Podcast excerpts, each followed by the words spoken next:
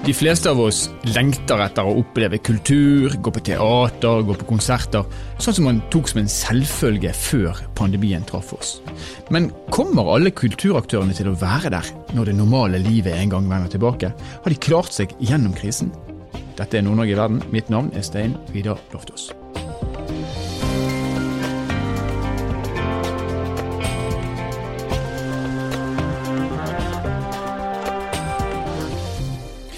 En av de eh, kulturarbeiderne som vi etter hvert, har lært oss å, bli så glad i, er Kjetil Solberg. Han er vokalist og låtskriver i Tromsø-bandet Violet Road. Og I øyeblikket så er Violet Road på turné, men likevel så har vi han med oss her i Nord-Norge i verden. Velkommen til oss, Kjetil. Takk, takk. Du, jeg, jeg sier innledningsvis at dere er på turné. Hvordan eller Kan du beskrive hva en typisk spillejobb eller hvordan den ser ut nå, midt under pandemien? Tja, den lange eller korte historien Nei, det er veldig annerledes. Altså, Noe av det er utrolig annerledes enn det pleier å være. Er, vi er jo ikke helt ikke helt vant til uh, at folk spiser pølse og sitter på rad, liksom. Det er som om det gode gamle når man lekte da man var unge, at man uh, sitter og leker at man kjører buss. Så det er litt sånn uh, Det visuelle fra vår del blir litt spesielt. Så eh, det, det, ser ganske annerledes ut, men det føles altså ikke noe annerledes når vi kommer i gang og spiller. Så er liksom stemninga akkurat like god, og man merker jo at uh, publikum kanskje er like utsulta på det her som, som vi har vært. Ja, selv om de sitter i ro og spiser pølser, men, men det må de, altså. Det, sånn er jo reglene. Men er det sånn at det står folk og passer på at ingen reiser seg og begynner å danse og sånn, eller, eller eh, ja? Ja, altså på slutten av konsertene har det nok vært altså Merker vi jo at det, det har, da har vi tynt dem litt lenge, og så er det noen som plutselig får fot og røyser seg. men et par ganger har vi sagt at uh, folk må sette seg, og noen ganger er det vakter som gjør det. Så det, det Euforien tar overhånd, men det, det, tror jeg gjelder for fem stykk på de konsertene vi har gjort til nå. Altså. Så det, folk er flinke. Ja. Veldig flinke. Ja. ja. Og de vet vel det at er de ikke det, så får ikke de engang den opplevelsen. Så det, er bra at man klarer å oppføre seg. Men Kjetil, jeg har lyst til å snakke om um, altså før Vi skal selvfølgelig gå inn på uh, mer, snakke mer om pandemiturneer og begrensninger og det som har med økonomi å gjøre gjøre. Men aller først, under normale omstendigheter. Violet Road er et band, og for mange av oss eh, har vi kanskje en slags oppfatning av et band. Det, eh, ja, det er nå en gjeng med musikere som eh, i et heldig øyeblikk tjener penger, og i et mindre heldig øyeblikk kanskje ikke gjør det lenger. Men, men Violet Road er et band, men det er òg en bedrift. Det er en veldig presis beskrivelse av et band, tror jeg. Men ja, det er jo det. Altså, det jo, for oss har det vært det i ganske mange år. Vi starta jo starta jo som et sånn klassisk bare eh, kompiser som spilte i lag, før vi skjønte at oi, vi er nødt til å ha vi er nødt til å registrere oss på et eller annet. Vi starta som et, eh, et, DA, før vi etter hvert etablerte et AS. Som vi drev som et AS, men fortsatt hadde enkeltmannsforetak. som at hver en av oss bare var et enkeltmannsforetak, men hovedbygninga var AS. Og så har vi gått over til å bli ansatte etter hvert. Det der er jo en liksom likviditetsgreie. da Man skal liksom ha råd til de der forsikringen og pensjonssparinga og hele den biten der. Ja, så det betyr at du er ansatt i Valtråd, og du, altså, dere betaler arbeidsgiveravgift og ja. har forsikringer og pensjonssparing og alt? Alt det der som man må lære seg at man egentlig ikke har lyst til når man vil spille gitar, men ja. Det er, det er nesten så jeg tenker at noen illusjoner kommer til å bli knust når man hører at uh, bandlivet i dag er faktisk uh, et aksjeselskap. Men er, er, det her, det her er dere, men er det, her, er det her typisk for, uh, for din bransje i dag, at man, man er blitt så profesjonell som dette? Bransjen er veldig profesjonell. Om akkurat AS-formen er typisk, er litt Det vet jeg ikke om jeg har grunnlag for å si. Det, altså Selve konseptet band er jo ekstremt lite til stede i dag. Det er mye enkeltartister som igjen leier inn musikere og leier inn det man trenger. Så, så bandkonseptet har jo hatt noen tunge år. du ser jo ikke så mange av dem. Men at, at det er helprofesjonalitet i bransjen, eh, uansett organisasjonsform, det er det. Det er liksom ikke det er ikke sånn som det var når jeg starta i det smått bluesband på 90-tallet. Der, der, jeg vet ikke, man måtte liksom Det var ikke et alternativ til å ikke at, at det var en svart økonomi. Det var liksom det som var eh, greia. Du fikk betalt, her er pengene i handa, og så Ja. Så, så, sånn, sånn, er det jo ikke i dag. Alt er, alt er veld, veldig ordna former. Og, og, for oss er jo det ganske viktig. Man, man, er jo ikke 19 år heller. Man er jo folk i familiesituasjonen og med forpliktelser. Og lån og alt sånn koselige ting. Så når vi kom til 12. mars i fjor, så ble altså AS Violet Road prega på samme måte som en rekke andre AS-er. Fortell, hva skjedde med virksomheten deres når vi krysser denne magiske datoen i 2020? Nei, Det som skjedde, var vel at vi på timen skjønte at eh, alle festivalopptredener den sommeren kom til å gå ut, og alt av turné på høsten, mest sannsynlig. Så, så, så det er jo et omsetningsfall på 100% på timen på resten av året. Sånn. Så det ble, et, det ble ganske mørkt der en stund, der vi satt hver, egentlig hver for oss da og bare stirra i veggen. Så, um, og så var det jo på en måte usikkert hvilke ordninger som skulle komme, og uh, vi måtte selvfølgelig bite i det sure eplet og komme oss på Nav. Den bransjen her er jo liksom, nesten uansett hvor stor suksess du har, så er den jo ekstremt sesongbetont. Og, uh, og den likviditeten man har, bygger man gjerne opp etter en festivalsommer, og kanskje hvis man har kjøre en turné. Så for vår del så hadde vi jo ikke spilt eh, hadde noe turné siden forrige festivalsommer. Sånn. Så det er liksom det man har på bok, det holder akkurat til neste sommer. For det, det, blir jo, når det er fem mann som skal lønnes, så skal det jo være en del. Så på en måte den pandemien var utrolig uhøvelig tima. Hadde den kommet etter sommeren, så hadde det vært et helt annet eh, økonomisk aspekt for vår del. Men eh, nei, så det var full stopp. Så etter et par uker så finner jo Hogne som spiller bass, ut at uh, vi måtte kjøpe oss inn i, i en båt, i vulkaner, i badebåten. Og da begynner jo da begynner jo topplokket å jobbe igjen og se fremover, og så planla vi etter hvert en turné med den, da. Innenfor de rammene som var. Så en turné det ble det, men i en litt annen form og litt annen målestokk. Eh, hvordan økonomisk sett, hvordan, eh, hvordan bar det seg sommeren Altså det som egentlig skulle vært festivalhalvåret deres 2020? Nei, det altså bare det, det, det, på en måte var nok inn til at vi slapp å belaste fellesskapet akkurat da, og så, og så går det rundt, og så fikk vi nå betalt litt til, til eh, crew og folk rundt oss, så det er 200 stykker på kaier, og man skal dra rundt med 70 fot skøyte og med anlegg og sånn, så det, det, er jo ikke noe sånn økonomi i det. Men eh, jeg tror det var på en måte nesten enda viktigere for, for hodene, både våre og der vi kom, ja. at det skjedde noe. Så det, det vil aldri kunne sammenligne seg, i hvert fall med det antallet, så ville det ikke kunne sammenligne seg med en sånn type festivalsommer. Det vil ikke gjøre. Men eh, klart, med en gang det ikke er 200-begrensning, så, så, er jo det en, en helt annen sak. Kanskje kommer vi dit i sommer. Men nå skal vi snakke litt om, eh, om det som har skjedd de siste ukene. fordi at som med alle andre næringer som har vært rammet av pandemien, som hadde vært, hadde vært eh, etablert støtteordninger. Mm. Eh, det ble det også mot eh, den bransjen som, som, du representerer. Men for noen uker siden så, så vi deg i avisen der du var ganske så oppgitt over kulturminister Abid Raja. Hva var årsaken til frustrasjonen? Nei, årsaken eh, var at det da hadde blitt Eller kommet tildelinger på det som kalles eh, stimuleringsordninga. Eh, stimuleringsordninga var ei ordning som ble varsla allerede høsten i fjor. For i fjor så fantes ei kompensasjonsordning som baserte seg på enten hvis man hadde kontraktert en turné og hadde liksom det, så kunne man få kompensert deler av inntektene, eller hvis man man kunne regne på en måte et snitt på de siste tre årene. Så så um, på en måte band og artister med en, en jevn økonomi uh, eller en avtalt turné ville kunne få kompensert for det man skulle ha tjent. Mm. Så varsles det at denne fases ut. Den går ifra liksom sånn 50% og så går den nedover frem mot jul, og den skal bli erstatta av ei stimuleringsordning og i, som ligger i ordet, den skulle stimulere til kulturaktivitet selv om det ikke var økonomisk forsvarlig. Mm.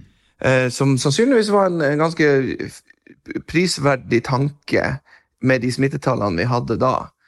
Eh, og så går jo da 12. januar Raja på Stortingets talerstol og sier at nå er stimuleringsordninga klar, den vil være søkbar i jeg vet ikke hva det var, slutten i månedsskiftet januar-februar, eller noe sånt. Og så eh, anbefaler vi, og vi oppfordrer alle til å dra ut og spille. Sitat 'det skal lønne seg å eh, dra ut og spille'. Og så kommer jo ikke den ordninga akkurat da. Den tar ennå litt lengre tid. Den skal gjelde fra 1. januar, men den blir behandla nå da for et par uker siden. Eh, hvorpå ca. 50% av søkerne får avslag. Uh, og det blir litt sånn, eh, hvis man skal ta en annen bransje, det blir litt sånn at det ikke skulle være lov å ha opp en frisørsalong, men så går, det, så går myndighetene inn og sier at eh, hold åpen selv om dere bare får lov å klippe én per dag, vi dekker underskuddet, og så etter tre måneder sier de men det er bare halvparten av dere som får det her. Så, så selv om det var en søknadsbasert ordning, så opplevde vi og hele bransjen det som ekstremt eh, uryddig kommunikasjon og det var liksom ingen Det kom aldri noen begrunnelse annet enn det som Kulturrådet pleier å bruke når de ellers deler ut um, kulturstøtte, som er liksom geografisk og kunstneriske ja, valg som skal tas. Um, så det var liksom vanskelig å på en måte søke på nytt, og vanskelig å skjønne om man hadde gjort noe feil. Uh, og så gikk jo ganske fort skjønte vi jo at de signalene fra en samla bransje hadde gått til Eh, hadde kommet frem, da. Så det kom mer midler på bordet. Og så måtte man søke på nytt. Det Dilemmaet er jo at når det er en ordning som er så på etterskudd, så finnes det artister som oss som er i gang med turneen. Det finnes artister som fikk eh, støtte på noen av jobbene, men ikke alle. Det vil si at de må ta det honoraret de hadde fra noen av jobbene til å dekke underskuddet på de, de, de ikke fikk støtte. Så har du sånn som Daniel Kvammen, som er ferdig med sin turné, som er en soloartist, som har gjort det som var intensjonen med ordninga, at man betaler eh, den vanlige leia på lokalet, man betaler full hyre. Eh, man, man, er jo på hotell, man har kanskje leiebil eller flyr. Man har alle de vanlige utgiftene og, og gjør ingen spesialdealer, for at disse, disse midlene var jo intensjonen at de skulle spre seg utover eh, i bransjen. Da. Og som da han sitter igjen med gjeld på en turné. Mm. For at ordninga har vært eh, kommunisert annerledes, og svaret er kommet for sent. Men dere visste jo at det var 400 millioner totalt. Så eh, var dere, var dere, kan man på sett og vis si at dere kanskje var i grenseland til å være naive når man trodde at det skulle dekke alt for alle? Vi er født naive, men det var ingen som visste at det var 400 millioner. Det ble satt av 1 milliard og 65 millioner til kulturstøtte. Ja. Um, og, og, klart det som Nå må vi bare spekulere, for det er veldig få som sier noe om hva som har skjedd i kulissene. Men det er klart at når smittetallene går opp igjen, så ja, kan man kanskje mistenke at en del av potten er holdt av for at kompensasjonsordninga er tilbake igjen og er på høring nå. Så da er kompensasjonsordning som skal gjelde fra 1.1, vil kanskje komme i juni. Mm. Men eh, eh, naiv vet jeg ikke. Eh, det var ganske klar tale om at det skulle lønne seg å dra ut. Så selv om det var en annen type ordning, og ja, den er søknadsbasert, så kjenner jeg meg ikke helt igjen i den beskrivelsen. Det, det, spesielle, det som på toppen av det hele gjør det her spesielt, det jo, og det snakker vi masse med andre artister og um, byråer, at i ei tid der smittetallene er skyhøye, og det offentlige Norge sier 'hold dere hjemme', så følte vi oss tvungen til å dra ut. Og selv om vi syns eh, Bergen og Trondheim er fantastiske byer, så, så, var det ganske skummelt å reise dit i ei tid der alle anbefalingene var å i ro hjemme. Og man er liksom redd for at det skal bli en sånn smitteklynge på en konsert, og det skal komme ut i ettertid at vi, og vi er skyld i noe sånt. Så det, var det, det er liksom et tilleggsaspekt med hele den type ordninger som, som, nok var en veldig god tanke når den kom og smittetallene var lavere, men som noen kanskje burde ha dratt i nødbremsen på når det ikke er sånn lenger. Men Nå er dere på turné, eh, som vi innleder med å si, og eh, dere har mm. søkt på nytt igjen, for nå er det satt av eh, så vidt jeg forstår, 400 nye millioner, og det er sagt at alle de som fikk avslag skal få søknaden sin i hvert fall behandla på nytt igjen. Eh, dere, er, det en form for garanti for at dere kommer til å få noe, eller risikerer da at eh, mer utgifter og ingen penger fortsatt? Ja, vi risikerer jo det. Eh, og, så det der var jo en, en lang samtale vi måtte ha om hva gjør vi videre. Eh, så kommer jo de signalene om at det blir mer midler. Og vi har fans som har sittet og venta, og som bare har så lyst til å komme på konsert, og vi har lyst til å spille, og så tenker vi at den, den største utgiften er jo allikevel allerede tatt med at vi på en måte er tilbake i fullt lønna arbeid i flere måneder og øver oss opp til turneen. Så, så, det blir verre. Det blir ikke sånn helt hinsides mye verre med at vi gjør de siste jobbene. Det gjør det ikke. Men eh, det, vi tar en sjanse, og for, det er klart for hver spillejobb vi har, så er det et ganske stort eh, underskudd. Hva gjør det med dere? Mm. Med mentaliteten deres når dere står på scenen og vet at eh, kanskje vi ikke, engang gratis, det er kanskje et, et underskuddsforetak det vi gjør nå. Klarer dere å distansere dere fra det? Ja, vi, vi, altså, Det å spille i band jo, var jo i mange år et underskuddsforetak. Man, man, hadde andre jobber og tjente penger sånn at man kunne dra ut og spille. Det gjør ingenting med oss når vi først starter. Det, det, det, liksom, Når vi bestemmer oss for å ta Det er jo en kollektiv avgjørelse. Ok, vi gjør dette. Og da har vi bestemt oss. Det er på en måte, det har, det har ingen hensikt å sette seg ned i ettertid og problematisere rundt det. Vi får ta de konsekvensene som de kommer. Men når vi er i gang og spiller, så er det kun det. Da, da gjør vi jo det som vi elsker mest, mest av alt i verden. Og da er det kun det som står i hodene på oss. Og Det vet jeg at innmari mange er veldig veldig glad for. Kjetil, hvordan kommer virkeligheten til å bli, tror du, når vi en gang har lagt dette marerittet bak oss? Går vi rett tilbake til sånn som det var, eller tror du at det vil bli noen endringer for dere? Nei, det, det, ja. Den krystallkula der, jeg vet ikke om det er så lett å si. Jeg tror jo at dersom vi ikke skal leve med en virkelighet som er liksom der vi delvis må passe oss, men hvis alt det her går over, så tror jeg vi går tilbake til en virkelighet der folk er sultefòra, og det kommer til å eksplodere. Eh, og det kommer til å være gøy og alt.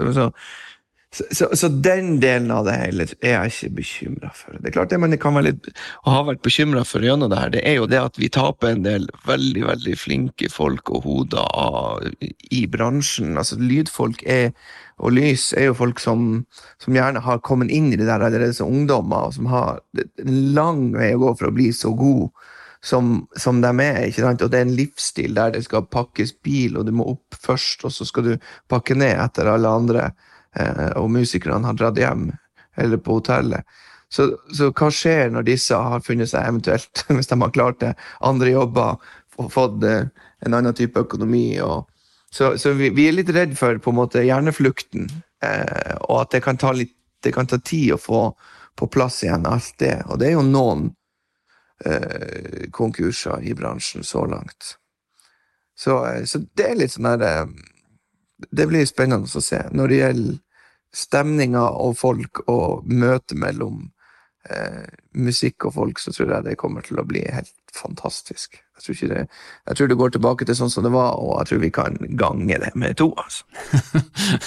tilbake til det det var, og vel så det. Ja, jeg kjenner meg igjen i det. Jeg kommer til å stå i fremste rekke på Gud hjelpe meg, den første tilgjengelige konserten. Ja. Du, vi skal være fryktelig forsiktige med å drive med reklame på den podkasten vår, men allikevel, nå er dere på turné, og dere har planlagt en sommer, og det kan bli eh, konserter for 200 på kaia, og det kan òg kanskje bli bedre. Fortell oss eh, fort, for jeg vet at mange lengter etter å høre eh, dette.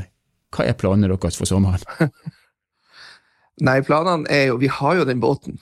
Det ville nå vært litt dumt å la den ligge der, så vi, så vi, så vi håper jo at vi får til en turné med den i juli. Og så har vi vært litt eh, enten hatt utrolig flaks eller vært taktisk, men de festivalene som vi skal spille på, er stort sett i august. Mm. Så vi krysser ennå fingre for at det er gjennomførbart. Så det blir en kombinasjon eh, av en båtturné langs den fantastiske kysten, og så noen festivaler i august. Så det håper vi er mulig å gjennomføre. Og hvis lykken står oss bi og viruset ikke begynner å, å, tulle for mye, så vet vi at fra begynnelsen av juli utover så er det bare å følge med på sendingsplanen til eh, bandet Violet Road. Så blir det konsert på kaia, og så er det august. Da håper vi at det, det skal slippes opp. Ja, jeg vet ikke om hvem av oss som håper mest på dette. Jeg tror eh, både jeg og alle lytterne våre er akkurat like ivrige som dere dere i bandet for å få konsertopplevelsene igjen. Tusen takk for at du kunne være med oss, Kjetil Solberg fra Violet Road. Tusen takk.